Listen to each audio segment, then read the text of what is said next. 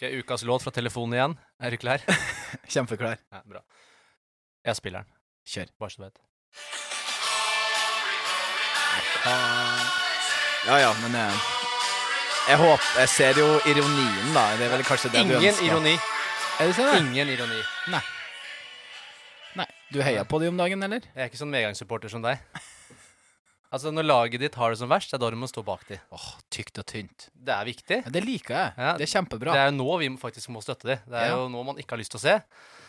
Ja. De Men, ligger jo eh, faktisk helt på bunn, Det er eh, Av tabellen. Ja.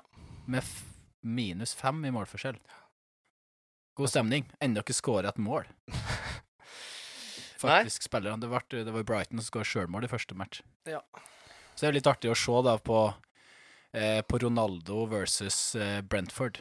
Ronaldo har jo 5,5 millioner i uka. Det er det samme som hele Brentford har totalt. Ja, si litt om Brentford. Dårlig lag, altså. Deilig. Ja, nei da, det er viktig å, viktig å stå bak det man støtter. Viktig. Og hele poenget. Ja. Hei, Tommy Lande. Det er ikke så lenge siden sist. Det er ikke det. Nei. Kosa oss eh, de siste dagene, vi. Ja, vi var jo på Geilo med, på kickoff med AFPT. Ja, det var vi. Ja, det var bra. Ja, Godt er jo fantastisk. For Ja. et hotell. Ja, det så ikke du mye av. Du var jo bare ute og tryna på sykkel. Jeg fikk meg en liten luftetur. Ja, Jeg Den gjorde det. videoen der, altså. Ja, den var legendarisk. Sjukt at Lars sto og filma idet du gikk på trynet ut skauen der. Så eh, Ja, så sjukt random. Uh, for at han skulle bare sykle litt i, i forveien, og så skulle jeg komme litt bak. Uh, og han skulle jo plassere seg på en sånn helt vilkårlig plass, og så sto han akkurat der, da. Der jeg skulle gjøre mitt krumspring.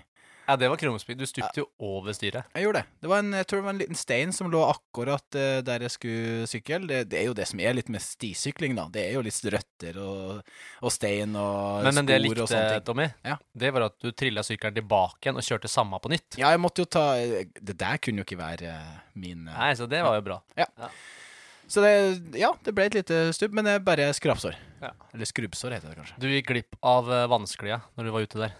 Thomas, Ine og jeg var og kjørte vanskelig. Og da var det Skulle se om det var raskest å ha litt skli på skulderbladene, eller om du kjørte en lat spread. Sånn, vet du. Få skuldrene fram. Ja. Og så skrev vi på hælen. Ja. Se hva som var raskest. Men det var ikke noe tidtakning, så det var litt vanskelig å Eller jeg prøvde også på ryggen med huet først. Ja. Halvveis i sklia kom jeg på Hva, hva om jeg slår huet i bånn? jeg kommer det. jeg tenkte jeg ikke helt på, men eh, det gikk fint. Ja. Du overlevde. Det gjorde jeg. Ja. Så bra. Nei, men det var ei fin eh, samling, det, altså. Fin helg. Absolutt. Trivelige folk. Bra gjeng med mennesker i, eh, i AFPT. Veldig, og det kommer jo inn stadig nye folk, og alle er jo like bra mennesker. Det er vel det som kjennetegner AFPT. Ja. Så der var vi onsdag til fredag. Ja. Og hva har du gjort i helga? Egentlig ikke noe store greier. Det har vært uh, Pernille Du kan få lov å skryte nå hvis du er keen. Du driver og øver på noe om dagen, se. Å ja, jeg tenkte på baklengs. Baklengs salto. Å ja, ja. Nei, men det har jeg jo eh, hatt som et lite sånn der baki der. Bare tenkte at det må jo Det må jo alle klare å mestre, tenkte jeg. Ja, nå klarer du det. Nesten. Nei, det er fortsatt ikke helt Jeg vil, jeg vil kjenne at jeg har kontroll i lufta. Jeg vil rundt, og så egentlig kjenne at OK, nå skal du rette ut bena, nå skal du opp med overkroppen. Ja, men da må Nei, du ha litt høyere høyde, da. Du, er, du tar jo salto fra liksom Det var to meter. Jeg bør jo klare å komme to, rundt ja? på to meter. Ja, ja, Ja. men du, hvis du skal kjenne at du har kontroll i lufta, så må du ha litt høyere, så du får litt tid. Så jeg får ta den, de meterne etter hvert. Ja, vi gjør det. Ja. Nei, men eh, det, det kommer seg. Det er jo Jeg syns jo det er mye lettere enn en forlengs. Forlengs er jo mye mer krevende. Ja. Baklengs er egentlig bare hopp litt bak og rundt. Ja? Forlengs er bare å hoppe litt opp, fram og rundt. ja, men det er jo mye vanskeligere, syns jeg. Ja, ja. Det er jo Jeg syns du klarer å generere mye mer kraft når du skal kaste bakover. Ja, Når du skal kaste fremover. Ja, ja, kult, da. Så Yes. det har du gjort. Ja, Tatt baklengs. Ja, så øh, Ja, vi var ute på Fornebu i går, da.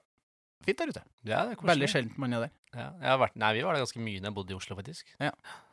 Så det er bra. Nei, jeg har ikke gjort så mye. Jeg har slappa. Eh, jeg kom hjem fra Geilo, og så fikk jeg være med familien fredag.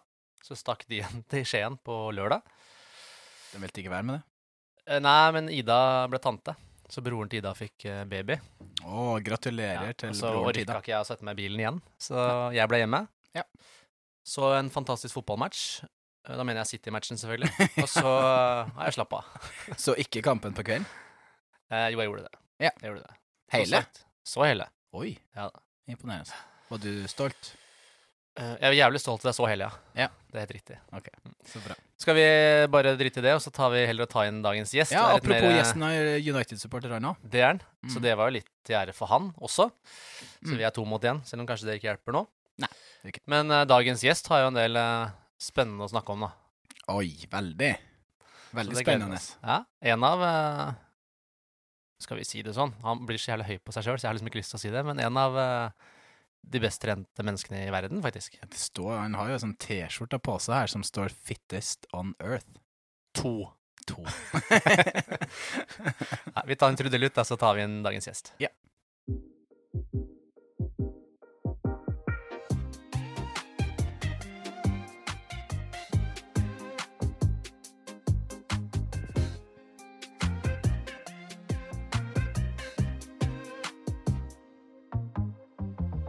Bare finne fram telefonen, holde notatene, så er vi klare. Nei, det har ikke noe notater, jeg, vet du. OK, hjertelig velkommen til podkasten Litt for personlig trener med Alex og Tommy. Hei. Som sagt, spennende i dag. Veldig. Ja. Straight from over the ocean. Eivind. Yes. Tommy, nå kan du fortsette. Takk. Ja, velkommen tilbake til moderlandet. Tusen takk. Ja, trivdes i USA. Trivdes veldig godt. Fikk jo tre uker der borte, som ble jo nesten litt amerikaner av å være der. Så det er litt sånn, litt sånn eh, ja, unormalt å skal prate norsk igjen. Ja, ja. Ja, du er sånn åh, den derre chairen her er litt sånn u Ja. ubehagelig å sitte på. Ja, du får den der. der. men, ja, men det er eh, bra. Ja, Eivind eh, Dahl Ringar, det er ikke det du er kjent for? det stemmer. Ja. Øksfjorden. Eller Nussfjord. Øksfjorden. Øksfjorden. Nussfjorden er på feil side av fjorden. okay. Ja, det er litt sånn på de ulike sidene av eh, Skjell i Brønnøysund. Ja, det er helt riktig. Om det er Brønnøysund eller Vega. Ja, Ja. sant. Men eh, ja, hvor er det hen? Øksfjord. Ja. Nei, de fleste har vel hørt om Alta, kanskje. Så Ja. Alta ligger jo rett utfor Øksfjord, da. Ja. Så man flyr til Alta, så hopper man i bilen og kjører ti mil eh, litt sånn sør-vestover. Så kommer man ut i havgapet til en nydelig perle som heter Øksfjord. Ja, fantastisk. Og ti mil der oppe, det er ganske langt, for det er ikke fantastiske veier. Ja, det er ganske langt, men for oss er det ganske kort. Vi kjørte jo ti mil for å klippe oss, og kjørte ti mil for å komme til Vinmonopolet, og ti mil for å kjøpe seg nye sko på vinteren og sånne ting, så det, det tar man på en ettermiddag. Fikk dere ikke opp eh, Sportmann-katalogen der oppe? Jo, men det levertes ikke. Ah. Så du kunne bestille så mye du vil, men det kom aldri fram. så vi ga opp det til slutt.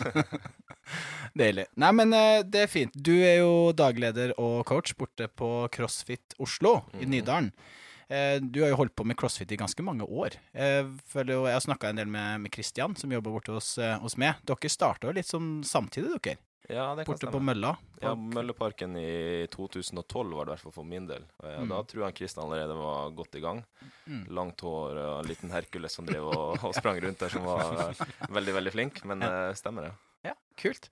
Hvordan har, eh, har det vært fra 2012 til, eh, til nå? Er det sånn at du bare plutselig fikk Å, det her var fantastisk treningsform. Så nå er det crossfit vi snakker om, da. Men eh, Eller har det vært sånn at du bare har eased into it?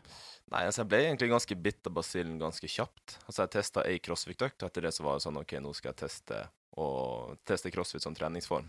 Eh, drev jo på med sånn tradisjonell styrketrening på sats, liksom skulle bli stor og sterk. Og så testa jeg crossfit og digga egentlig den endorfinrusen jeg fikk etter hver trening, og det her at man skal hele tida lære noe nytt og få påfyll av motivasjon. Mm. Så det var egentlig bare sånn ja, la på en måte den tradisjonelle styrketreningen ganske fort på hylla når jeg begynte å utforske crossfit og kom litt inn i miljøet og så at det her var noe som var kult å drive på med i, i treningshverdagen. da. Så det, Mm. var, det var egentlig ja, solgt fra første stund eh, når jeg først fikk testa det. Ja, for du så at du fikk store biceps av crossfit òg, så det gikk Jo jo da, det var, man fikk av kipping pullups gir også litt eh, volum på bicepsen. så da var For det var mitt spørsmål selvfølgelig oppi der. Jeg lurte på det så jeg ser ut som styrketreninga har gitt en viss effekt. Så da lurer jeg på om den effekten kom før du begynte med crossfit, eller om det også har kommet av crossfit. Um, er sånn, Hvis jeg skal legge på meg litt muskler, så må jeg trene litt sånn hypertrofitrening også. da. Så, eh, men jeg var stor og tung når jeg begynte i crossfit. Eh, da skulle jeg liksom vurderte jo stille på scenen og sånne ting. da. Så jeg var jo 100-105 kilo med, med litt mer muskler da. Så Ja, og da må du jo si du er, for du er ikke 2,05 høy heller. Nei, jeg er 1,90 1,81 Ja. har jeg løyet til meg i passet. Jeg løy på meg en centimeter der. Faen, 1,81. Jeg Ja, hadde ganske- ikke sett for meg. Det er ganske høyt for å være fra Finnmark. ja, det er faktisk det. Han er så brei, vet du, så han ser lavere ut. Ja. Nei, men eh, OK, så da fra 2012 og videre nå, da. Konkurrerte du ganske mye i den tida her òg, eller er det noe som har Eh, kommet i senere år? Det er litt som har kommet i de senere årene. Sånn at når jeg begynte med crossfit, så var det veldig lita gruppe på en fem-seks stykker som drev og konkurrerte. Eh, Det var Leif Erik, som mange kjente, Kristin Holte og Christer Irland, som egentlig utgjorde på en måte konkurransegruppa nesten i Norge. Og skulle de konkurrere, så måtte man til utlandet. Det var veldig lite. Mm. Så det var liksom ikke sånn at når man kom som måte, ung gutt og var glad i å trene, og sånne ting, så var det ikke sånn umiddelbart jeg skal konkurrere og jeg skal trene strukturert. Den trenden der har jeg egentlig føler jeg har kommet kanskje de siste fire-fem årene. Så, så når man begynte på CrossFit Oslo da, så var det på dagens økt, og man trente kanskje litt før og litt etter, og så var man egentlig fornøyd med det. Og trente du to ganger om dagen, så ble du sett rart på. Og det var vel ikke aktivitet på CrossFit Oslo nesten før klokka tre eh, på, på ettermiddagen når folk kom eh, fra jobb. Så så det starta egentlig veldig rolig, og så har den konkurransebiten kommet litt sånn i ettertid, eh, når jeg kombinerte det litt med, med siviløkonomstudiet, når jeg hadde litt mer tid og kunne trene litt mer. Og så skal det egentlig sies at jeg i gåsetegn la opp eh, konkurransen i 2016-17, slet mye med skuldrene, slet mye med ryggen og sånne ting, og fant ut at det her kosta mer enn det det smaker. Mm. Og så, egentlig bare et par-tre år tilbake, at jeg kjente at nå begynner kroppen å fungere igjen, og det var et ganske kult miljø på Cross Oslo med mye bra folk som trente veldig mye og tenkte at det, det her er noe jeg har lyst til å være med på. Kult. Um, ja. Og så har jeg egentlig ikke vært så glad i det individuelle jaget. Jeg liker meg best på team. Så i fjor vinter var det egentlig han Joakim som har spurt at ja, vi skulle ikke satt sammen et lag og prøvd å komme oss til games. Så da tenkte jeg sånn, ja, ja, det er en fjern drøm å komme seg til games. men så, for de som har fulgt litt med, så, så kom vi jo dit til slutt. Og det har gjort at det virkelig er mersmak å legge mye tid på trening og legge på en måte opp hverdagen for å trene bra og prestere bra og restituere bra. For det er jo så lett å tenke bare på konkurranse. Vi skal jo nå komme over, mer og mer over til hva det er dere har gjort. Men eh, det er jo så lett å bare tenke på konkurransen, men alle de timene med både svette og tårer og blod og hele pakka i, i forkant av det her, det, det må jo være hinsides eh, krevende. Ja, altså vi trener jo som toppidrettsutøvere, egentlig. Vi som, ja, i hvert fall vi på lag og de andre som trener hardt på CrossFit Oslo. Så vi legger jo gjerne ned to økter om dagen. Og Mm. altså, når man driver med CrossFit, så vet man jo at to økter betyr også man må varme opp to ganger. Og en god CrossFit-oppvarming tar alt fra en halvtime til 45 minutter. Så når man først er i gang å trene, så bruker man jo to, to og en halv time. Mm. Og det må man gjøre for å holde seg skadefri og sørge for at kroppen er, er klar til å yte også. Så det, det går fort ja, en plass mellom ja, tre til fem timer om dagen til trening, og det er fem ganger i uka. Mm. Og på hviledagene så blir det kanskje litt aktiv restitusjon også, eller man tar seg en løpetur eller en svømmetur. Så, så vi bruker jo veldig veldig mye tid på det, så man ofrer veldig mye også. Og det ja, skal ikke eh, måtte opphøye det for mye. Man, gir jo, man på en måte ofrer ganske mye med tanke på sosiale ting også. Det blir ikke så mye ute på byen, det blir ikke så mange hytteturer som man kanskje skulle ønske. og Mm. jeg, skulle, jeg er fra Nord-Norge, skulle gjerne reist hjem litt oftere og sånne ting, men når man er en del av et lag og ønsker å satse, så må man ofte sette det litt først. Så det, ja, så det, treninga går litt på bekostning av andre ting også. Men det blir en tid for det også. Jeg stortrives jo, så jeg skal, skal ikke si noe, ja, si noe på det. Nei, men det er lov å, det er lov å se at man savner andre ting, tenker jeg. Ja, definitivt. Det er litt det samme som Mathilde fortalte når hun var på podden på besøk. Så hun snakka litt om det samme. Og hun også har jo en jobb ved siden av, og det har jo du. Så Mm. det er liksom du, du skal jobbe, og du skal drive dette her samtidig som du skal trene Mm. tre til fem timer om dagen. Ja. Eh, det er jo ikke det samme som en annen toppidrettsutøver, som eh, United-spillerne, som trener i hvert fall én gang om dagen, Mm. ser ut som. Ja, maks. Maks, ja. Nei, men som, ikke, som har det som jobb, fulltidsjobb, da. Eh, har du noe sponsor og sånne ting ved siden av som hjelper deg, eller er det liksom Nei, ikke sånn som hjelper fra, på en måte vi kaller det fra måned til måned, men vi har jo Vi fikk ganske bra traction i fjor, så inn mot sesongen i år så har vi jo hatt en del eh, veldig, for oss veldig lukrative sponsoravtaler, men det betyr ikke lønn, det betyr mer at de må dekke reiseutgifter og sånne ting, da. Ja, inn mot konkurranse. Ja, inn mot konkurranse. Så Mm. vi har jo vært en tur eh, Var jo på semifinalen inn mot CrossFit Games. Da var vi i London, og da fikk vi jo dekket hele den turen. Også nå inn mot CrossFit Games også, så har vi sterke sponsorer i ryggen som, eh, som også er med på å sørge for at vi så å si bor gratis i tre uker og kjører gratis leiebil og spiser og, og alt sånne ting. Flyreise på, på deres regning. Ja, Da. for ellers så blir det jævlig dyrt. Du skal være tre uker i USA med flybillett, bo, mat. Dere spiser jo for ti personer eh, hver av dere, så Ja, vi fleipa litt om det også. Vi skulle bare en liten tur gjennom Target i USA, og så koster det 2000 kroner, liksom. Vi skulle. og så har jo det er ikke å stikke under stol at eh, prisene i USA har jo virkelig skutt fart, så det var en dyr opplevelse. Så, så bare takk alle sponsorene som er med og backer back oss hele veien. Det er bra. Hva dollaren er på nå? rundt ti. Rundt tida. Den ja. lå vaka litt rundt ti når vi var der borte, og på det sterkeste var den vel på 10-20, kanskje. Ja. Så Mm. det merkes på en norsk poengbok. Nei, men nå, nå har vi jo latt den henge litt. Men eh, dere har jo eh, Dere fikk jo andreplass i CrossFit Games nå for andre året på, sånn, på rad. Skal vi Ordentlig. Ordentlig. Sånn, ja. Høres ut som publikum på Old Trafford det der. to stykk som gidder å klappe. Litt galgenhumor har vi da. Ja, ja. Ja. Men eh, gratulerer for en bragd. Tusen takk. Det, det er jo Ja, det er helt helt, enormt. Verdens nest beste i sin idrett. Mm. Det klinger jo godt, da. Ja, det klinger veldig godt. Klinger det like godt andre året på rad? Ja, faktisk. Ja. Eh, om ikke mer, så, så gjør det det. Man kan jo kanskje si litt om om å si det absolutt høyeste toppnivået der. Mm. Altså Det er jo et nivå som er sjukt, men dere ga de ganske bra, bra kamp, da. Ja, og vi hadde jo for første gang på jeg lurer på om det var fem-seks år, det var vel en artikkel som ble postet underveis der, at eh, det var første gang noen andre enn CrossFit Mayhem, som har vunnet seks år på rad, hadde ledertrøya på. Han var på 1800 dager eller noe sånt, eller fem-seks år. Så vi, vi ga dem jo en liten, eh, liten kamp der, og han kapteinen deres, han Rich eh, Nå har jeg blitt kompis med han, så jeg håper det er greit at jeg bare bruker fornavnet, og ikke må omtale som Rich Froning. Men uh, man merka litt på, på stemninga der og på humøret hans underveis at på de første fire-fem eventene så var han ikke så trygg som han bruker å være. I fjor så starta de jo helga med å vinne seks-syv på rad og hadde egentlig seieren i lomma etter dag to. Mens i år så ga vi dem litt kamp. Jeg tror han kjente litt på det, og vi driver jo og fleiper litt backstage der og sånne ting. Og han var litt sånn, kan man si, litt sånn eh, anspent i starten, men når du ser dem begynne å dra litt ifra, og man ser dem begynne å teste crossfit, som de er veldig gode på, så, så slekker han litt, og smilet kommer og, og sånne ting. Da. Men dem eh, tror jeg de kjente litt på det. Mm. Ja, for han er mestvinnende i CrossFit. Han har jo fire individuelle, Ja. Eh, og nå da seks team. Så han har egentlig vunnet alt han har vært med på. Mm. Bortsett fra en andre eller en tredjeplass, helt i starten første året. sånt. Ja, men jeg lurer på om han også har en andreplass på team også, faktisk. Har han det, ja? Fra, fra litt Ah. gammelt, da. OK. Eh, Ja, ja men still. Eh, ti, eh, ti seire på Classic CrossFit Games. Det er ganske heftig. Da Ja, jeg må skyte litt om det. Jeg har faktisk lest boka hans. Oi, har du det? Ja, ja, mange år siden. Det var overraskende. Ja, ja. Ja. Før du starta CrossFit Sagene, så hadde jeg lest boka hans. OK, kult. Hva tenkte du? Nei, jeg tenkte at han uh, jobba mye på gård. Ja. Det, var det, sto mye om. Det sto en del om det, hva han bærte, og fikk en del oppgaver. At han måtte bære ting et sted, og så måtte han bære det tilbake. Og så sto det en del om Jesus og Gud. Ja, Han er litt opptatt av det òg. Ja. Mm. Men eh, absolutt uh, imponerende fyr, altså. Ja. Hvordan var han som person? Nå, nå omtaler du han som kompis. Jeg regner jo med at du kjenner både navnet til mora og Eller mora, faren og kanskje søsknene og hele Ja, pakka? ja, nå er det jo Ja, nå er det liksom fun fact. Vi blir jo, eller vi ble ikke invitert over, da, men jeg har jo sendt han en mail og spurt om vi kunne, hvis det blir et neste år, at det blir en pre-camp i Cookville, Tennessee. Så jeg kjenner han jo såpass godt at jeg har invitert meg selv på besøk over dit, og han sa hjertelig velkommen, han. Så jeg begynner å komme inn under huden på han. Kult. Nei, det kult. det liker vi. Ja, For han virka ikke som den enkleste. Skal... Nei, jeg tror, eh, jeg tror han møter på mye fanboys. Nå er selvfølgelig jeg også er en fanboy, selvfølgelig, for han var jo idolet når jeg begynte i 2012. Så gikk jo folk med Rich Froning-T-skjorte. Så jeg jo, skal jo ikke si at jeg ikke beundrer ham for alt han har gjort også, da.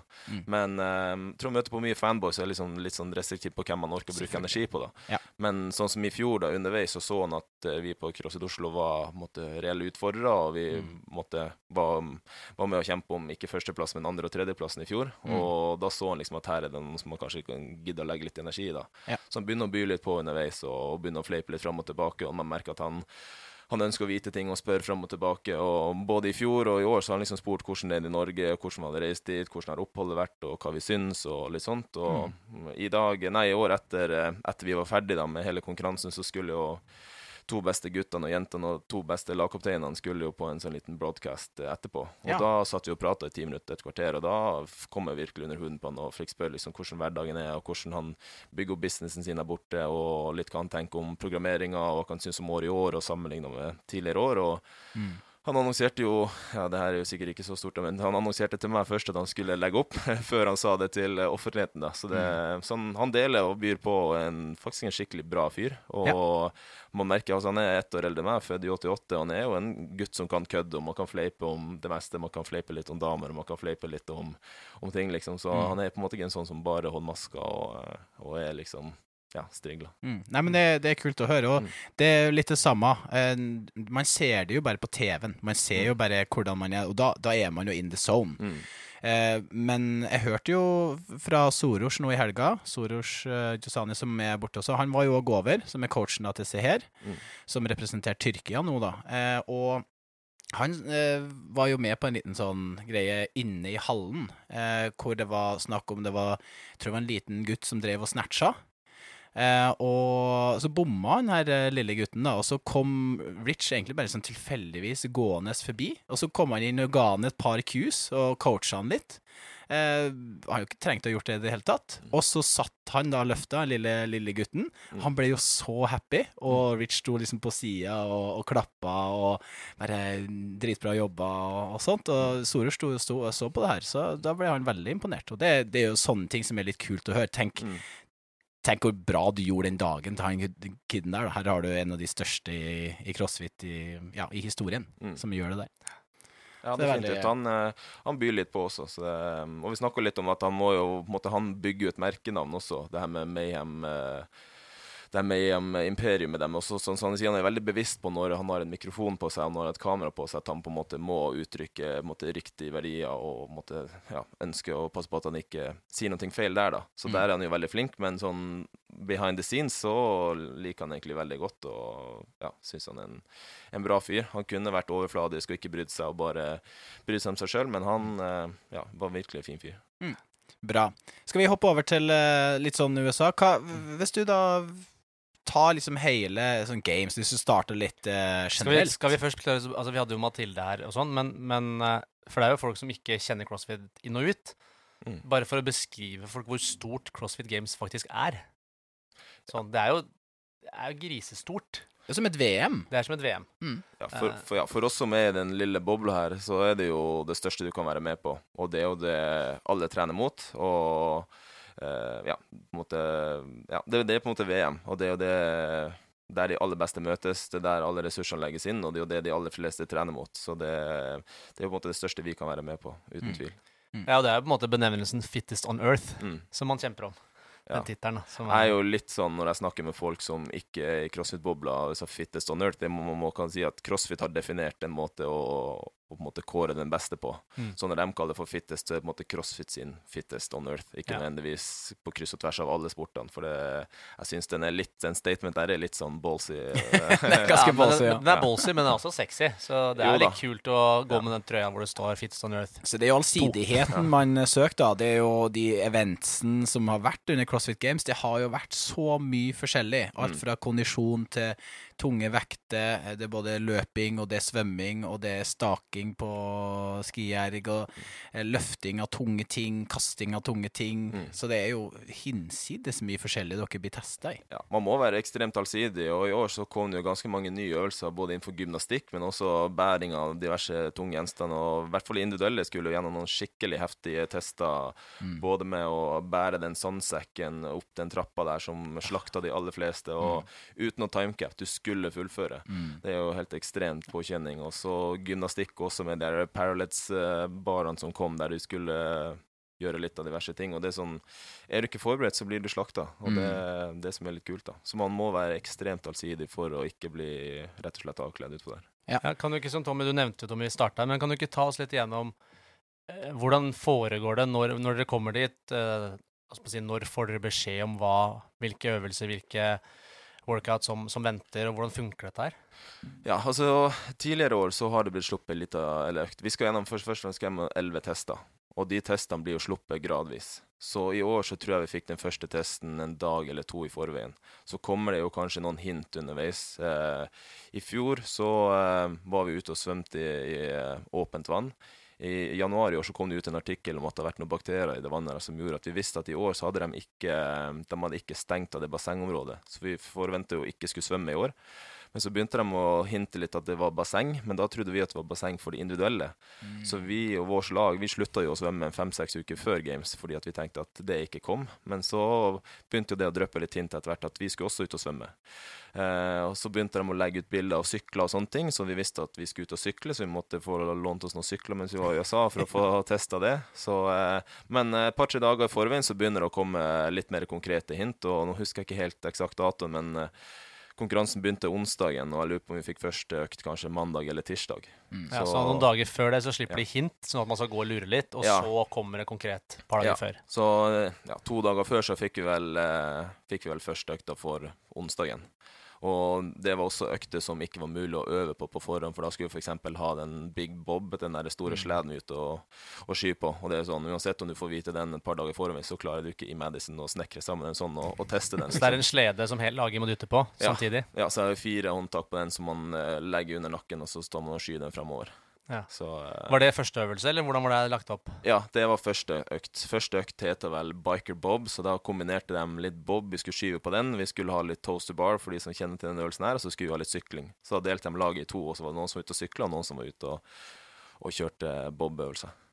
Og Ja. så, ja, så går jo onsdagen, og så ble jo Onsdagen ble jo litt amputert. Vi skulle egentlig ha tre økter på onsdag, eh, men midtveis på onsdagen så kom det lyn og torden. Så da eh, annonserte de at eh, økt to og tre ble flytta til torsdagen, som egentlig skulle bare være en hviledag og en seremoni. Så det Ja.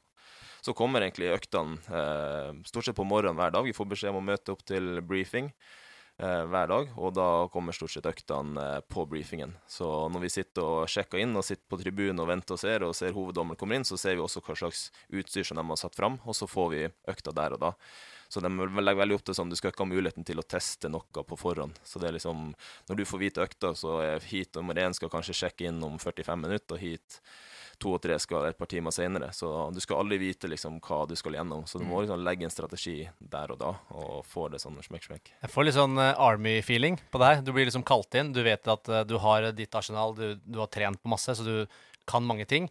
Og så blir alle kalt inn. Du vet, du har sett på film. Alle får jo eh, anrop samtidig på telefon. Så skal man inn og møte debrifing, briefing, og så får man OK, her er casen, her er oppdraget. Mm.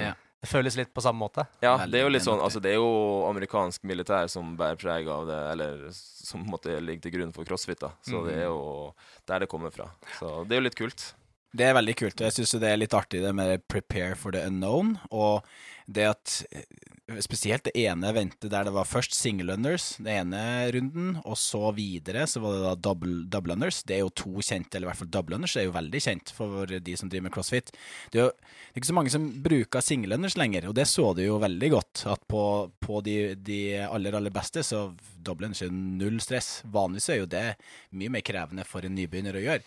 Eh, og single unders er kjempeenkelt. Men her er det jo motsatt, da, for at man bare har trent på double unders. Så da ble jo single unders veldig vanskelig. Og så plutselig på tredje rund eh, og så videre, så kommer jo double under, og så da med crossover. Så du skal liksom krysse double underen eh, over, og det, det var vel bare Det er et nytt rockenivå. ja, da tar du det til et uh, helt ny Det naturlige, naturlige progresjonen der vet du kanskje har vært en triple under. Ja. Eh, men eh, så, så det er jo veldig spesielt det der. Men det er jo det de snakka om i CrossFit, at du skal være adaptable til det aller meste. Du har lært deg de grunnreglene, eller de grunnbevegelsene, og så må du prøve å få kroppen til å tilpasse da både i forkant, men òg akkurat der og da. Og ingen, ingen i feltet der som trodde at de skulle begynne å gjøre noe crossover double under.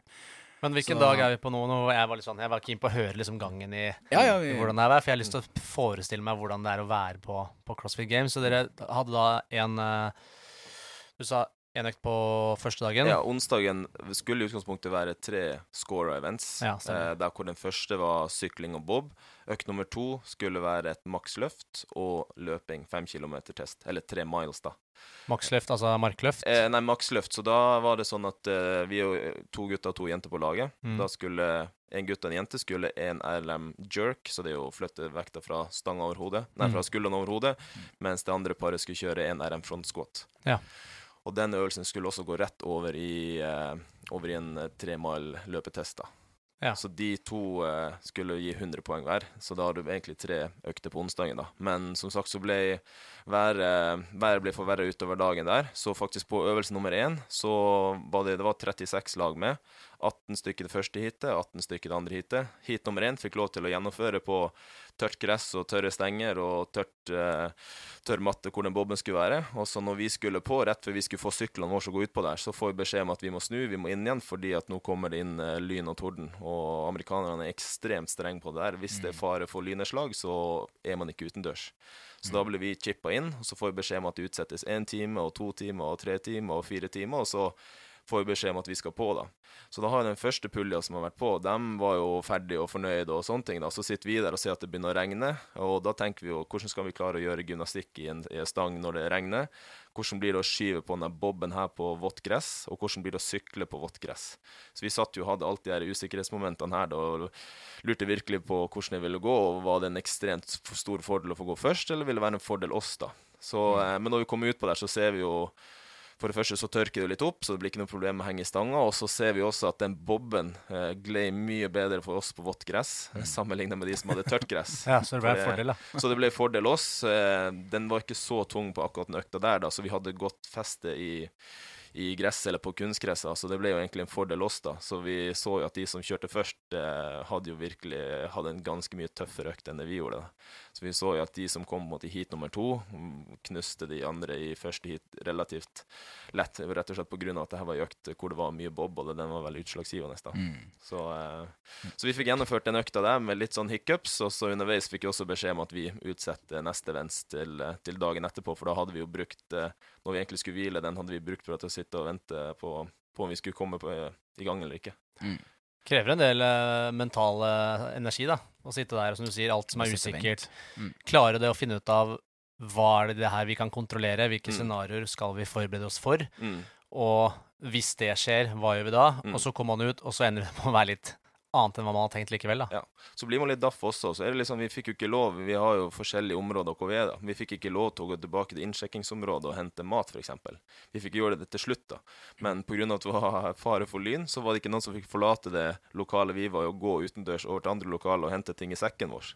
Så vi satt jo der liksom bare med det lille vannet og energidrikken som vi hadde hatt med i starten, til været til slutt roa seg, sånn at vi fikk sprunget av gårde og hente ei brødskive og litt sånne ting. da. Ja. Så det er jo ikke sånn perfekt oppladning til, eh, til når man skal ut eh, og yte maks. Så er det jo sånn litt overalt i USA at de er livredd for lyn?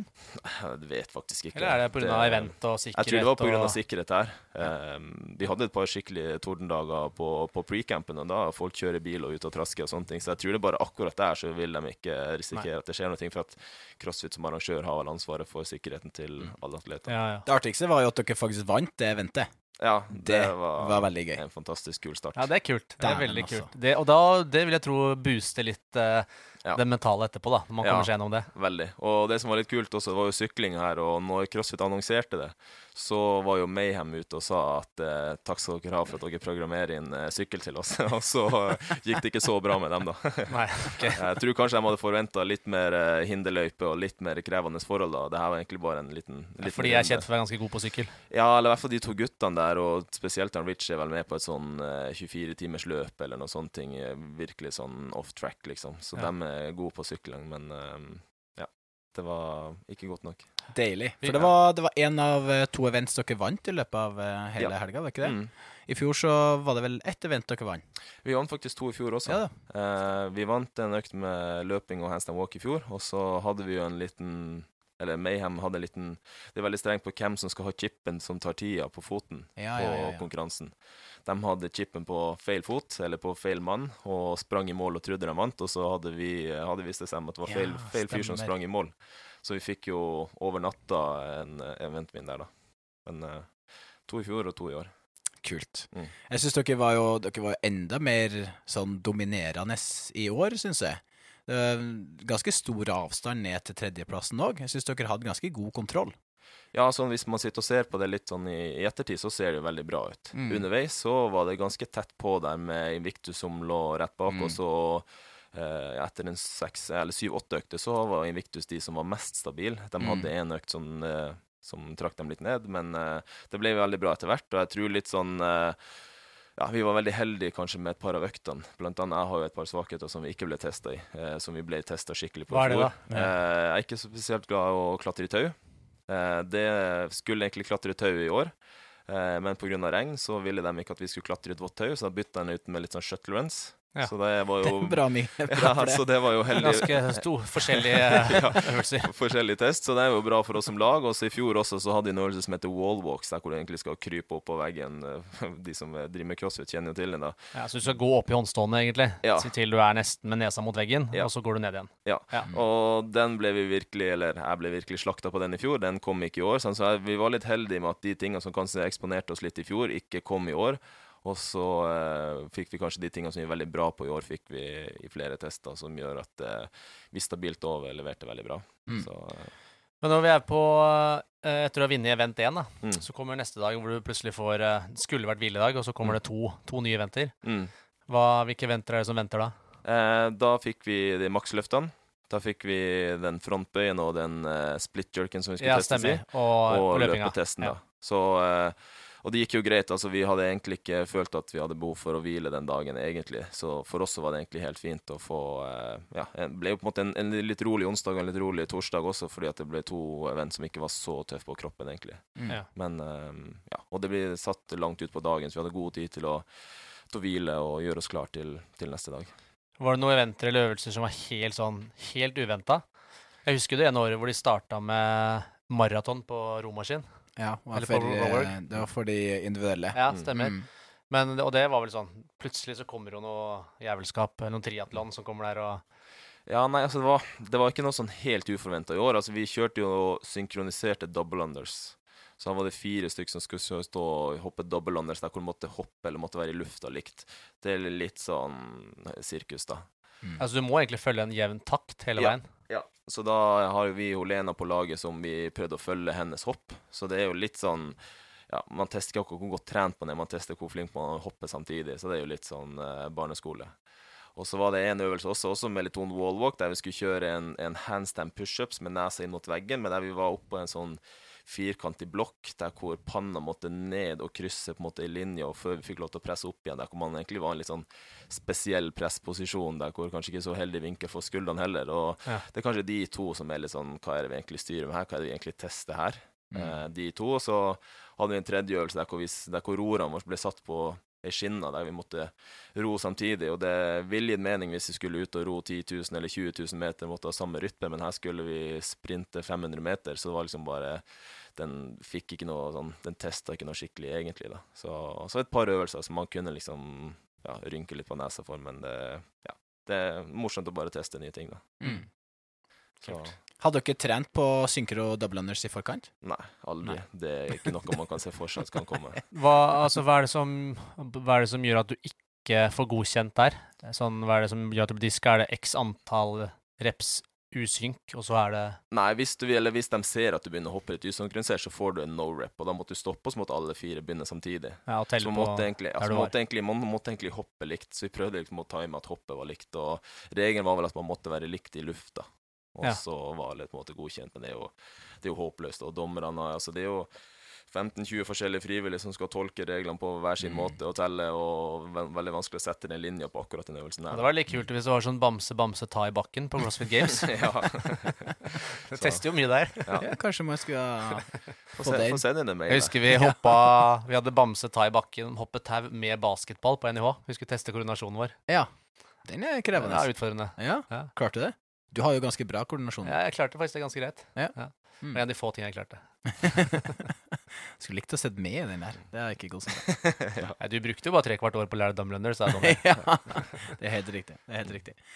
OK. ehm, jeg har litt lyst til å få litt sånn juicy information. Nå snakka vi litt om det, der, og nå vet vi at de kom på andreplass og sånne ting. Skal og vi, er det nå kan- vi skal spørre om hvem som dopa seg?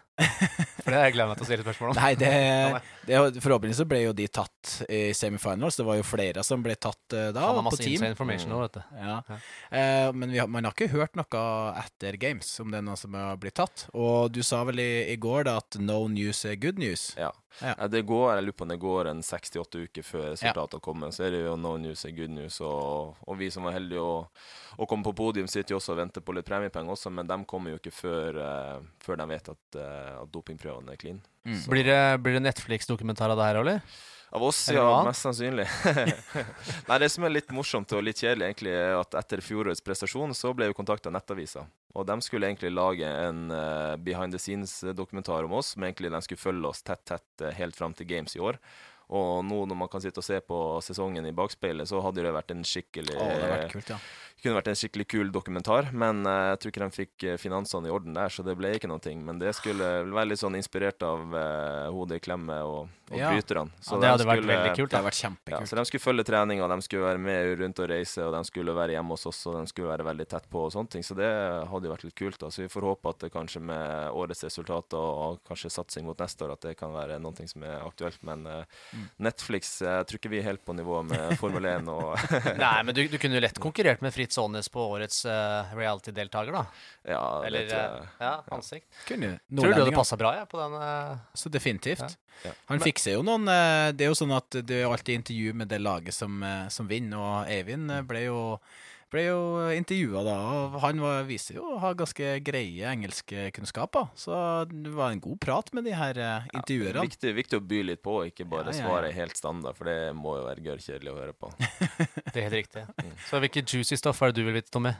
Nei, det er jo ganske, ganske mye, da. Eh, litt sånn Vi kan starte enkelt og greit. Eh, hva er det dere spiser, hvordan sover dere? Hva, er liksom fokusområdet der? Det er jo litt spennende å vite om. Eh, Vi er litt forskjellige. Meg og Nikolai på laget Vi har kanskje litt sånn laidback holdning til ting. Og litt sånn, kanskje nesten litt sånn useriøs sammenlignet med jentene, som er veldig strikt. Altså Det er liksom opp, og det er kaffekoppen, og det er havregryn, og det er liksom toalettrutiner inn mot trening og alt sånt. Og alt er veldig sånn smekk, smekk, smekk. Og matpakken er klar til rett etter trening, og ting er veldig sånn veldig sånn ordna, mens meg og Nico liksom står litt opp, og så kan vi gjerne slappe litt av før vi spiser, og litt sånt. Og jentene sånn klokka ni, så skal de i seng. Vi kan kanskje ligge og trykke litt på telefonen, og klokka blir ti, og klokka blir halv elleve, og det er liksom ikke noe sånn fast rytme på oss, men eh, ja, på en måte Forholdene ligger jo til rette. Vi har jo to uker pre-camp i USA og prøver å komme inn i en god rytme. og selvfølgelig, Vi vet jo at vi skal prestere og har jo med coacher som passer på at vi skal også prestere. Så vi, måte, vi prøver å få lagt oss til fornuftig tidspunkt. Eh, prøve å stå opp til samme tid hver dag.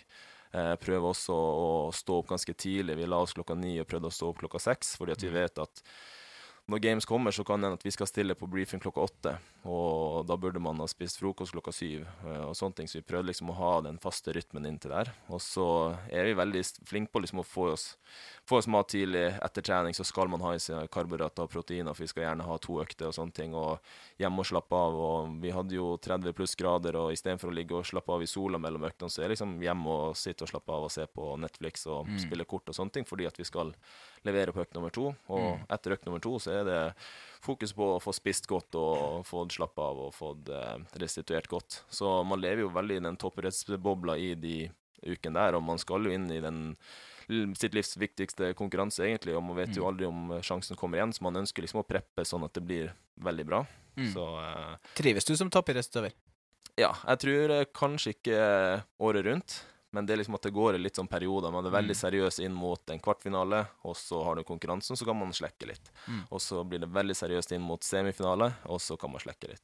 Og så blir det veldig seriøst nå inn mot games, selvfølgelig, og så kan man, kan man slappe litt av eh, etterpå. Så, Tror du- Sorry. ja. Ja. ja, så der, der og da trives jeg veldig godt og liksom syns det er fint, men uh, måtte bli litt rastløs, i hvert fall meg som er glad i jobben min og har lyst til at vi skal skape resultater med det crossfit-boksene vi driver også, så føler jeg litt på at nå etter tre uker med, med veldig rolig og ikke nesten åpna e-posten, så kjenner jeg litt på at uh, man må tilbake og Ja, for du har klart å lagt den, for du er jo daglig leder for CrossFit Oslo. og Det er jo det er vel det Eller den boksen i, i Norge som har flest medlemmer, er det ikke det? Ja, så der, der skjer jo ting hele tida der også. Så jeg er også daglig leder i Functional Fitness Group, og der har vi jo der har vi jo ti bokser nå etter hvert. Mm. Og det er på en måte jeg som skal prøve å sy ting litt sammen. Nå har vi skikkelig dyktige boksmennere rundt omkring også, så det er ikke sånn jeg har ingenting fra dag til dag å gjøre på de fleste boksene. Men ting må jo følges litt opp, og vi har litt sånn mål vi skal nå, og ting må settes litt i struktur. Og det kommer alltid noen spørsmål hit og dit om, om hva som skjer og sånne ting. Altså man må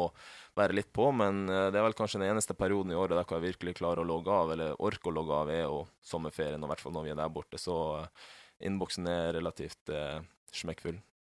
Mm. Kult. Um, Min tur. ja, OK. Kjør. Vær så god. Bare, bare én ting jeg lurer på. Ja. Ut fra det du sier nå.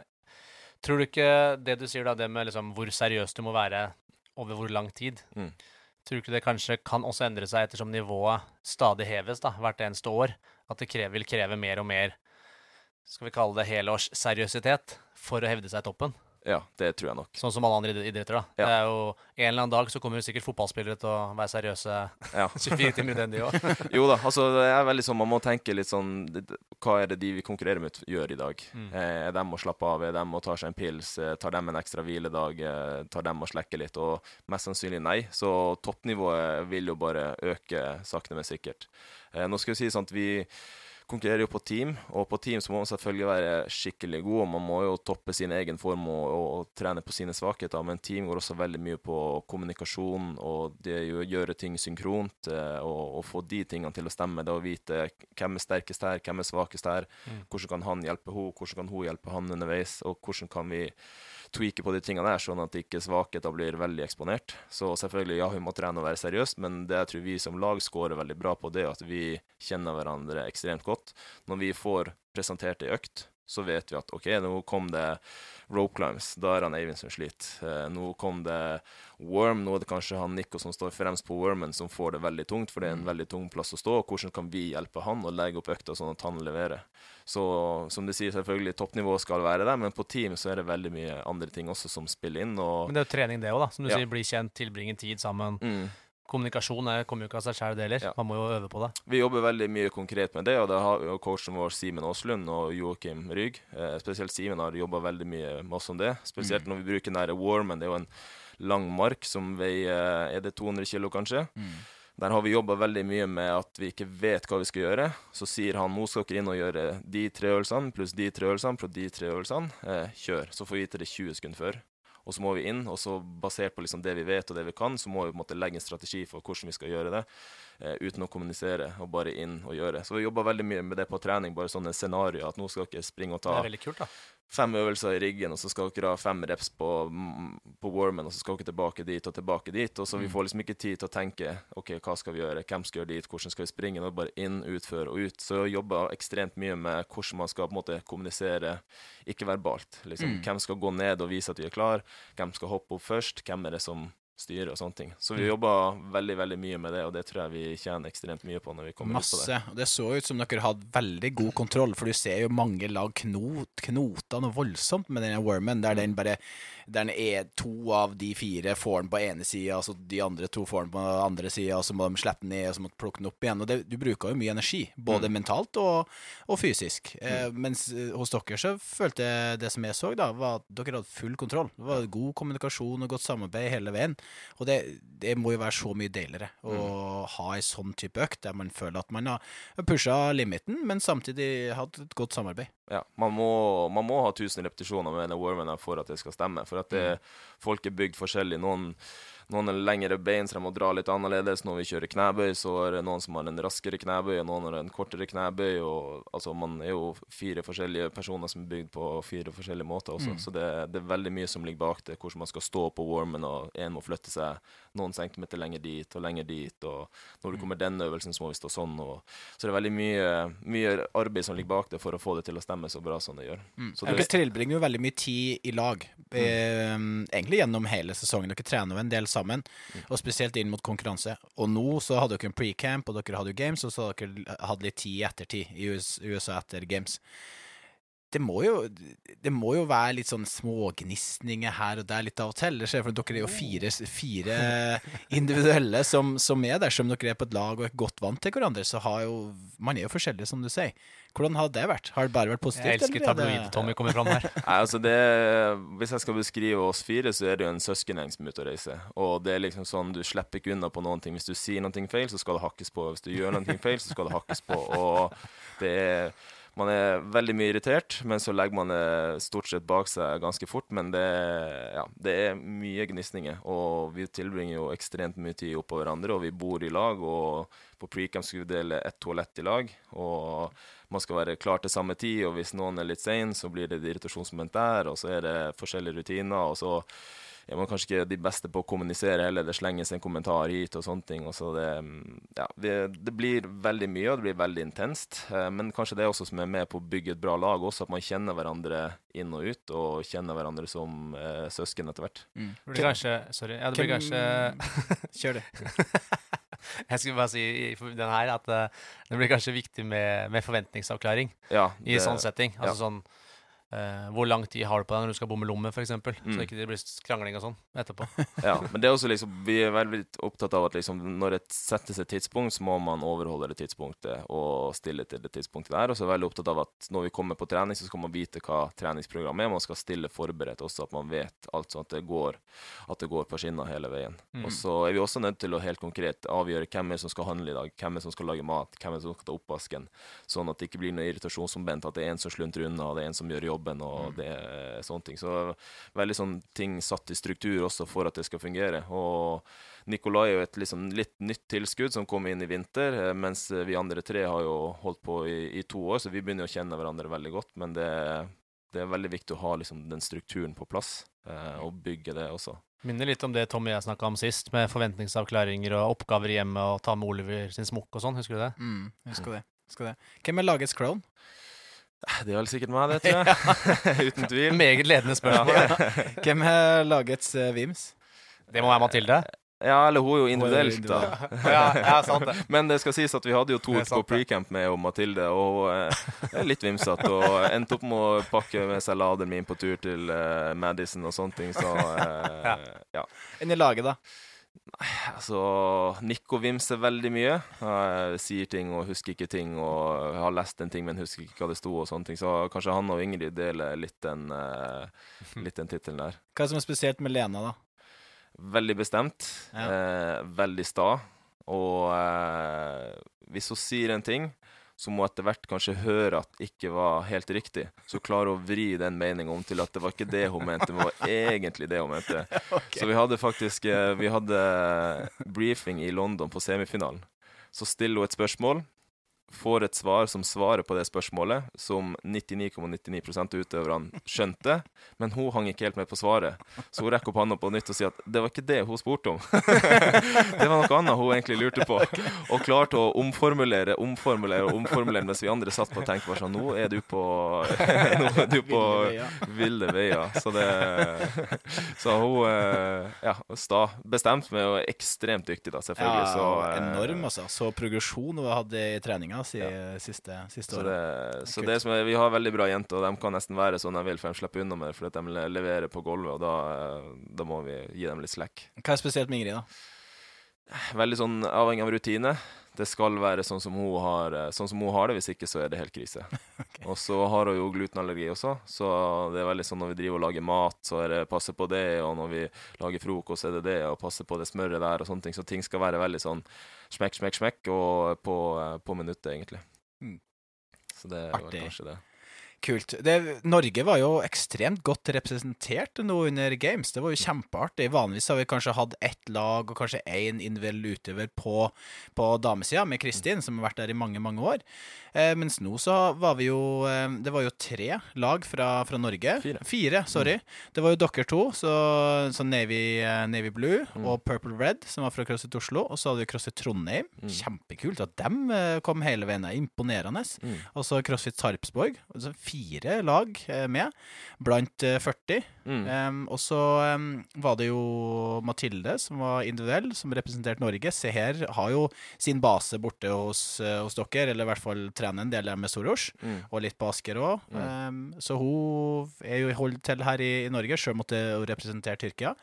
Uh, og så har vi jo Ole Antonsen, som Mm. var med i, um, i Adaptive Mm. kjempeimponerende. Så har han jo vunnet ganske mange år på, på rad. Uh, I år så ble det vel en tredjeplass, tror jeg, på han. Mm. Men fortsatt sterkt å komme på pallen. Uh, og så har vi jo da Erik Solen, som lenge lå an til å kunne vinne. Men uh, som da kom akkurat utenfor pallen, var det ikke det? Fjerde-femteplass. Jeg tror det starta veldig bra, og så rakna det litt tror jeg, på dag tre. Yes. Så, men, eh, så vi, vi har jo mange nordmenn uh, der ute på eh, Ja, på både individuelt og på team. Var det flere av? Hvor det, det er jo Jacqueline som uh, Ja, representerer Jacqueline, Norge, men, ja, men bor på Mallorca. Ja, Mallorca. Hvor var CrossFit Sagen oppi der? Eh, ikke ennå. De okay. var travel med å pante flasker. Vi gjør sånne ting som er bærekraftig for eh, miljøet. Vi tenker på miljøet og bærekraft i det. Ja, det er. CrossFit Sagen er en viktig sponsor for oss. Alt de har drevet og panta i år, har Jan Tommy kommet med en 50-lapp til meg og sa her har du en cola i USA.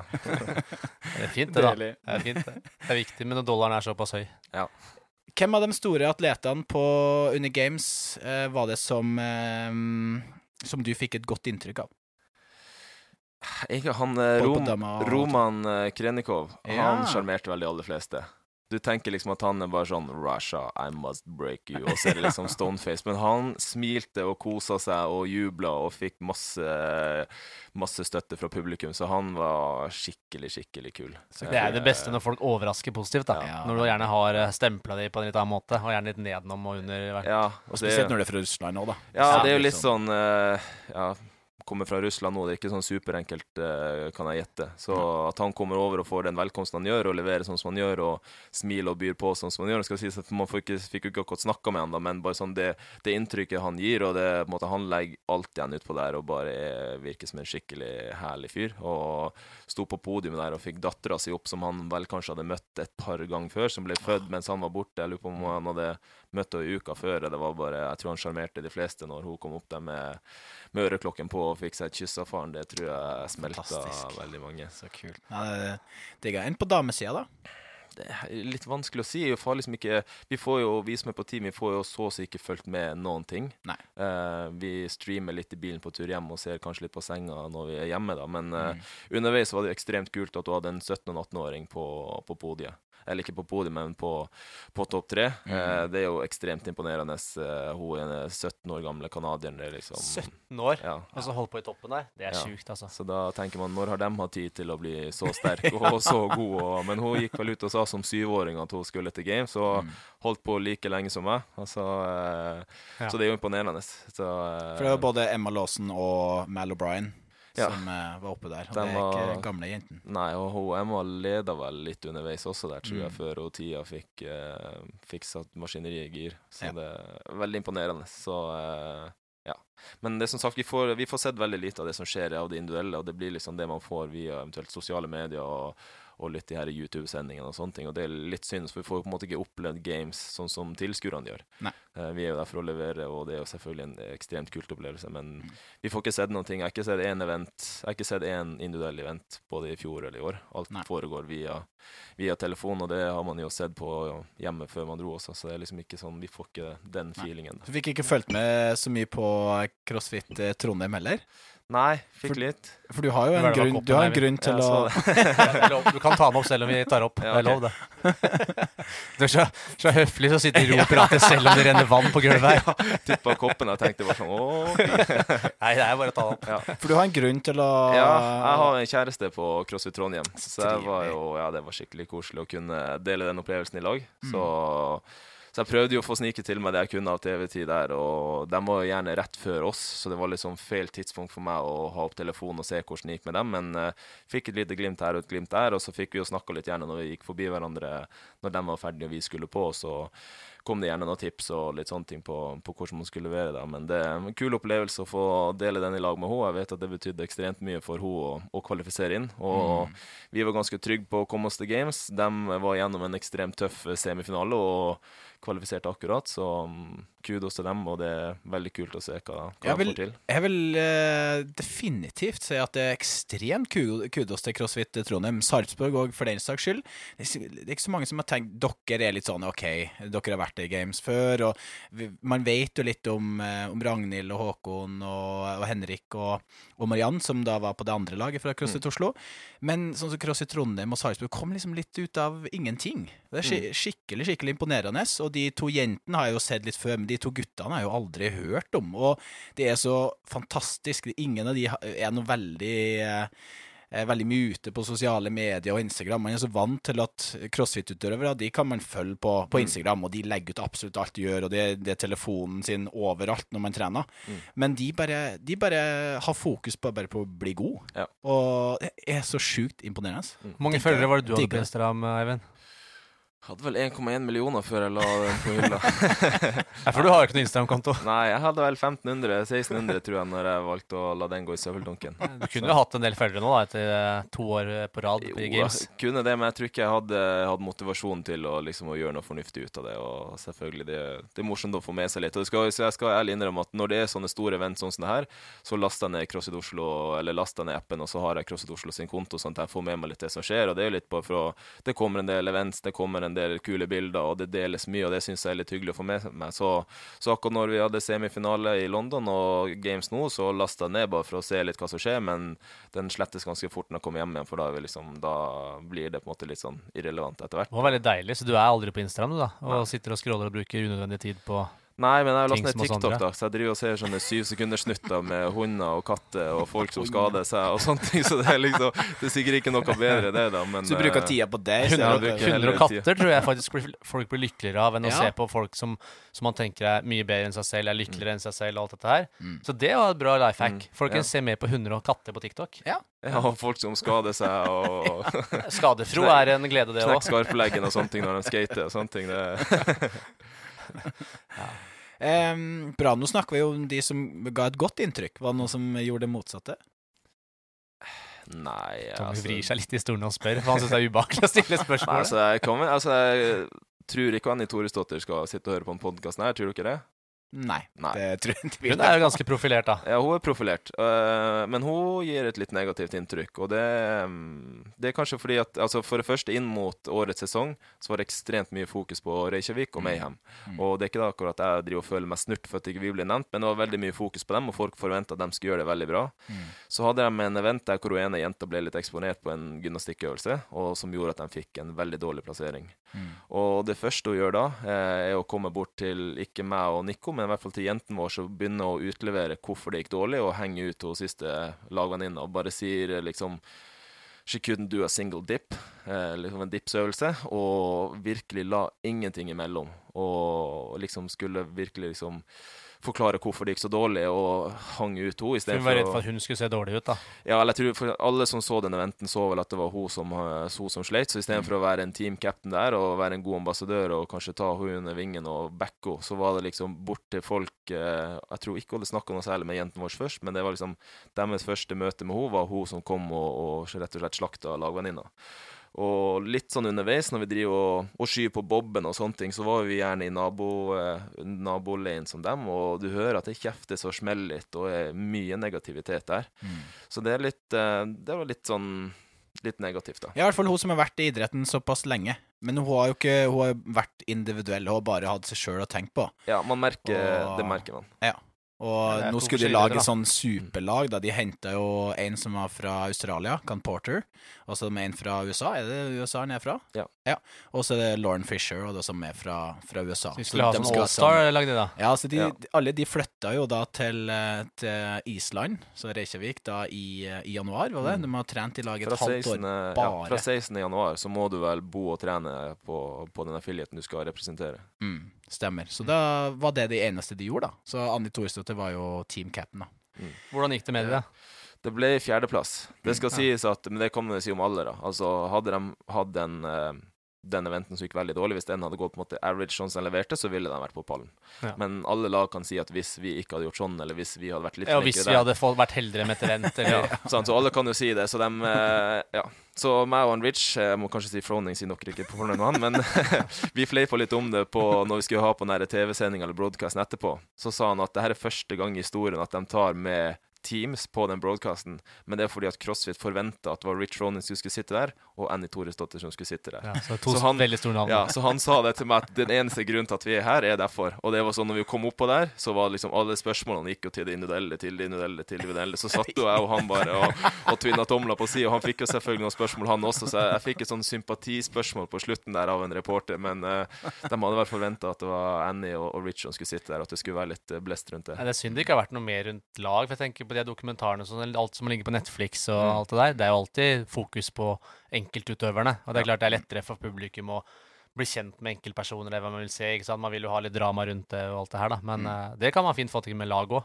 Jeg syns det er mye artigere å følge med på lag enn å følge med Ja, på man klarer å lage serier om fotballag, og det Ja. blir kjempespennende hvordan alt coaches. Og her er det jo snakk om fire personer, da. Og så litt coacher rundt og sånn. Mm. Så jeg er veldig synd det ikke ble noe av det med Ja, Nettavisen, det var veldig synd, så man kan jo håpe at det kanskje blir noen ting. Og han, eh, han som var litt i regien, som ønsker å få det her til, han er jo medlem på CrossFit Sandvik og får med seg absolutt alt. Så jeg tipper at han kommer til å være like motivert i år som i fjor for å kanskje trekke litt i trådene for å se om vi får, får til ting. For, Mm. eh, så vil jeg også anta at eh, nå når vi har to år på rad med bra prestasjon, at det vil være litt mer aktuelt for sponsorer også, og kanskje få litt synlighet også. Mm. Eh, vi hadde jo noen gode dialoger i fjor, men Jeg er litt usikker på hva en sånn produksjon koster. Det er sikkert en million, kanskje, for å følge noen i syv-åtte måneder. Så det, det, er en del Mm. penger som skal på plass. Og, eh, Men skal vi bare gi en liten heads up, da, hvis det er noen som er fra noen norske mediehus eh, rundt omkring, og bare ta kontakt med CrossFit Oslo? Veldig, Ja, det har vært veldig kult å få CrossFit litt mer uh, utpå der. er Fordi det, det kom jo ikke noe Kom det noe i VG eller Dagbladet at dere fikk Nei. andre beste?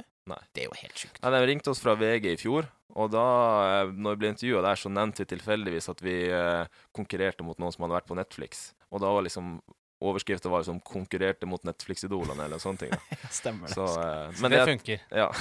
så, men jeg tror altså functional fitness er jo begynner å bli en veldig etablert sport i Norge. Og jeg tror for å få den, den sporten opp og fram, så tror jeg det kunne vært positivt å ha noen ting om Selvfølgelig crossfit og functional fitness er jo I Norge er jo det veldig måtte, integrert og glir over i hverandre. da. Så jeg tror det kunne vært positivt for sporten som, som helhet å fått litt Ja, mer eh, engasjement rundt det. Og man ser jo hvor mange som ser på bryting etter um, hodet i klem, og må se hvor mange som ser på Formel 1 etter uh, Formel 1 Born på to Netflix. Survive, ja. Drive to survive, heter det kanskje. ja, Born to Survive, ja. Det er viktig, det òg. Det hadde vært en bra serie. Det er de som blir født i dagens samfunn. Det er, sånn det er. Dagens miljø. Litt sånn avslutningsvis, hva var det, mm, hva var det artigste ventet, og hva var det kjipeste ventet? Så det er jo selvfølgelig det er jo morsomt når du springer først over målstreken. Det er ingenting som slår det. Mm. Eh, men det er jo på en måte kjedelig å springe tre ganger én mile, og så springe først over målstreken. Det er ikke da du virkelig føler på jubelruset, liksom. så men det er selvfølgelig de to eventene vi vinner, er jo ekstremt kult. Og så hadde vi ja, en andreplass der hvor Ingrid må kaste seg fram med ankelen over, for der er chip timer, og så kommer vi 0,02 eller 0,2 sekunder foran Reykjavik. Det er selvfølgelig, Den smaker jo også ekstremt godt. Eh, og så hadde vi også siste venten, der hvor vi eh, er fire sekunder bak Mayhem. Vi leder inn mot siste øvelse, som er et barmøsløp, og Mm. kanskje ikke helt orientert på at vi faktisk leder, at hvis vi virkelig trykker på her, så blir det en, en event win. Så den også smakte jo ekstremt godt. Og eh, vi hadde jo eh, Vi var jo så heldige å ligge veldig høyt oppe hele veien, Mm. og kjente litt på presset på siste event der at hvis vi tabber oss ut nå, så pallen ryker nok ikke, men kanskje andreplassen ryker, og det er jo surt. Så bare liksom det å komme på andreplass over siste, på siste event der og bare sikre andreplassen overall, var også en ekstremt deilig følelse. Og det er jo Det var jo en økt med mye worm, og det var en skikkelig, skikkelig lagprestasjon å, å levere så bra. Så kanskje det å runde av helga med den eh, andreplassen der, føler jeg var ekstremt kult. Um, Ja, det var et imponerende ja. event av dere også. Du så de andre lagene var kjempeslit når du kom til Barmersløpsen Mm. på slutten. Dere så ut som dere leker dere gjennom. Ja. Så det var Så gøy. Det var beste events. Dårligste eller kjipeste events eh, Det er liksom Jeg snakka med liksom folk etter jeg kom hjem, at i fjor så følte jeg at programmeringa var mye tøffere. I dag i år så var det sånn du fikk hvile litt, jobba deg litt, og så fikk du hvile litt. Så man var liksom aldri helt skikkelig i kjelleren Mm. eh, sammenligna med i fjor. Så, så i fjor så på event 1 så tenkte jeg nå skal jeg slutte med crossfit, for det her er ikke noe koselig. For 35 grader og syra fra akillesen opp bak øret. Mens eh, hadde liksom ikke de, den følelsen helt i år. Eh, men eh, vi hadde en økt med wallballs, der hvor eh, wallballen skulle kastes en liten halvmeter høyere enn det vi er vant til. når kroppen allerede var veldig sliten. Da følte man seg ikke veldig kul. Eh, så Så det er litt sånn kanskje den kjipeste. Uvant sikkert, hvis nervesystemet du er vant til å kaste inn gitt høyde, og Ja. gjort det x antall tusen repetisjoner Ja. i løpet av ganske mange år, uh, så blir jo det litt annerledes, da. Ja, så skal han opp på et lite target som eh, er vanskelig å treffe, og det, ballen var litt skeiv og litt sola i øynene og begynte å bli litt glatt og sånne ting. Så var det liksom flere faktorer som spilte inn der også, som gjorde at de 30 wallboard-shotsene som skulle gjøre det her, det var bare sånn Man kjente ikke igjen kroppen, og man kjente ikke igjen bevegelsen og sånt. Så da Måtte dere gjøre trusters? Hadde vi Jeg tror ikke vi hadde Nei, noe øvelse med thrusters i år. trusters. Da var det jo enkelt. Det var overhead squat, da. Det er den verste øvelsen som finnes. var noe overhead squats, tror jeg. Men, Men eh, du, du, man skulle jo gjøre et solid arbeid før man kom til wallballs nå, da. Det Jo var jo en heftig dumbbell på 45 kilo som skulle Ja, som skulle kastes litt rundt, så når man kom til wallballen, så var man allerede sliten i lårene og sliten i skuldrene og sånne ting, og det er jo lår og skuldre du bruker for Mm. å kaste en ball opp på veggen, så, Mm. Så man var ganske sliten når man kom dit. Så det, der var det ganske mange som fikk seg en liten smell. Mm. Og um, der var jentene våre veldig gode, som gjorde at vi cruisa forbi et par lag og fikk noen viktige poeng også. For det, det var en tøff kamp for å holde seg. Ganske så finurlig nå. Syns du var flink, Tommy, for nå føler jeg at du glir liksom over i de siste spørsmålene her. Så blir det liksom litt det samme. Ja, er, det, er, er det det du prøver på nå? Ja, prøver kanskje. Har du tenkt gjennom taktikken i dag? Nei, Nei. egentlig ikke. Du kan, få stille, du kan få stille spørsmålet, da. Skal vi gjøre det? Ja. Hva er dine tre favorittaktiviteter eller øvelser, og hva er de tre kjipeste? Nå snakker vi crossfit. Ja, eller du kan egentlig ta hva som Hva helst. som helst. OK, så eh, nå snakker vi ikke crossfit. Nei. Aktiviteter, hva enn du legger i det. Aktivitet Altså, jeg er jo egentlig verdensmester på å slappe av. Altså, Jeg får ikke dårlig samvittighet av å ligge 16 timer på sofaen. Det, så lenge Det er jo en god egenskap, Ja, det er en god egenskap. Som idrettsutøver. Ja. så, så det er litt sånn Jeg er jo litt treningsnarkoman og føler for å få trent, men jeg har ikke noe problem med å ligge hjemme og slappe av med god samvittighet. Så det er kanskje en, noe jeg liker veldig godt. Eh, så jeg er jo fra Finnmark, og det er jo mye natur. Jeg får ikke gått så mye på tur her. Eh, helgen tilbringes jo gjerne nede i på CrossFit Oslo, men er veldig god, glad i å gå på tur. Både topptur på ski og gå på beina på, på sommeren. Eh, men skal sies at jeg har ikke gjort det så mye de siste par årene, men veldig glad i det. Og ja, nummer tre, kanskje treffe familie og sånt. Nå bor jeg jo alene eh, uten familie i Oslo, så det å ta seg en tur til Ålesund eller Trondheim eller eh, opp til Finnmark er også noe som jeg er veldig glad i. Eh, verste aktiviteter? Veldig konfliktsky. Eh, jeg og Ingrid tar jo en diskusjon av og til, men når det gjelder sånn på jobb og sånne ting, når man må ta opp noen ting eller spørre hvorfor ikke noen setter inn kaffekoppen, eller hvorfor du ikke gjør sånn og sånn på jobb, det er en, eh, en konflikt jeg er ikke spesielt glad i. Eh, ikke glad i trange rom, så jeg er ikke, Ja, glad, ikke, ikke glad i å stå i heis. Eh, og så er jeg litt sånn eh, Hvis jeg går inn i en heis, så lar jeg gjerne alle andre vite at jeg også ikke liker det. Så de liker jo å stå og hoppe og trykke på knapper og sånne ting, så jeg er ikke så glad i å stå i heis. Det er dårlig taktikk der, altså. Ja, der burde jeg bare holdt, eh, holdt kjeft og så bare gått inn og, og Skal vi se om jeg har en tredje aktivitet der. Ikke spesielt glad i å bade heller. Eh, eller ikke glad i kaldt vann. Så jeg er glad i å bade hvis det er godt og varmt, men Så eh, oppveksten din eh, bare ikke av mye bading Nei, oppe i det, du, jeg, Finnmark? har, jeg kan tippe at jeg kan telle på ei hånd hvor mange ganger jeg bada i Finnmark, i hvert fall eh, i, i havet. Ja. Um, så det er kanskje, kanskje det. Nå kan det sikkert at jeg har glemt noe som burde vært med, men det Jeg syns det var fint. det fordi. Ofte snakker vi om rent sånn treningsøvelser. Det var Ja. fint å få Ja. aktiviteter, for nå har vi prata en hel uh, podkast om øvelser og Ja, for jeg har jo allerede sagt at jeg ikke er glad i rope climbs og, Ja. og wallwalks, kanskje, så folk vet jo det, og så kan det være greit, det. Du er glad i frontbøy? Ja, glad i frontbøy, glad i å løfte litt så lenge kroppen og knærne og ryggene eh, er, er frisk og fin, så er jeg glad i å løfte. Ryggene? Du har flere flere Ja, rygger. jeg har en, og- og to. Nei, så lenge ryggen er fin og knærne er fine, så er jeg glad i å løfte litt tungt. Du visste Så- det, Tommy, at kuer har flere mager, og okser de har flere rygger. Ja, det var det, ja. Ja. Riktig. Nei, men uh, tusen, tusen hjertelig takk for at du kom. Veldig, veldig trivelig å få litt mer sånn innblikk i For vi ser det jo bare på TV-en. Mm. Vi får jo aldri vite av sånne ting som vi har fått vite av nå. Så det er jo veldig gøy å få litt sånn inside games. Mm. Jeg tror ikke det er en av de første kanskje podkastepisodene som kommer nå etter games, der man får vite litt mer om hva som skjedde, og spesielt av eh, Nest, eller Fittest on Earth, eller Second. hva second, second fittest on earth. Mhm. Så det, det er ganske kult, da. Mm. Veldig, veldig. veldig. Nei, men det her var kult. Det var topp. Det var litt Mm. gøy for, for meg også. Litt sånn, Mm. Det er jo sånn, det er to crossfittere her som kan sitte og nerde, og så kan jeg stå litt utenfor og stille spørsmål rundt uh, ting jeg lurer på. Ja, for det tror jeg ikke er så superlett når uh, crossfittere sitter og snakker. Så er det en, en ting man tar litt for gitt at folk skal forstå, og sånne ting, men så er det jo egentlig ikke så superlett hvis du ikke kjenner det til. Nei da, det, vi har hatt noen ganger hvor vi har måttet forklare litt av de Tommy sine uttrykk og sånn, og det, men Mm. eh, sånn blir det jo. Så blir det. Ja. Ja. Nei, men Nydelig, Eivind. Da må vi takke for besøket. Og takk for at jeg fikk komme. Det er trivelig. Det var Bare hyggelig. hyggelig. Og så som vanlig takker vi jo til deg som hører på. Det er jo, Da er vi jo gang nummer to, så forrige gang sa vi at da var vi starta vi for å øve igjen, eller komme i litt, litt i modus, podkastmodus. Ja. Litt sånn russen. Litt russen. i dag. oss Litt mindre russende spiker Ja. i dag. Litt mer pulverpadder, var det ikke det du sa? jo, det er riktig. Sånn. Så vi høres igjen om en liten uke. Det gjør vi. Okay. Takk for i dag. Ha det. Ha det.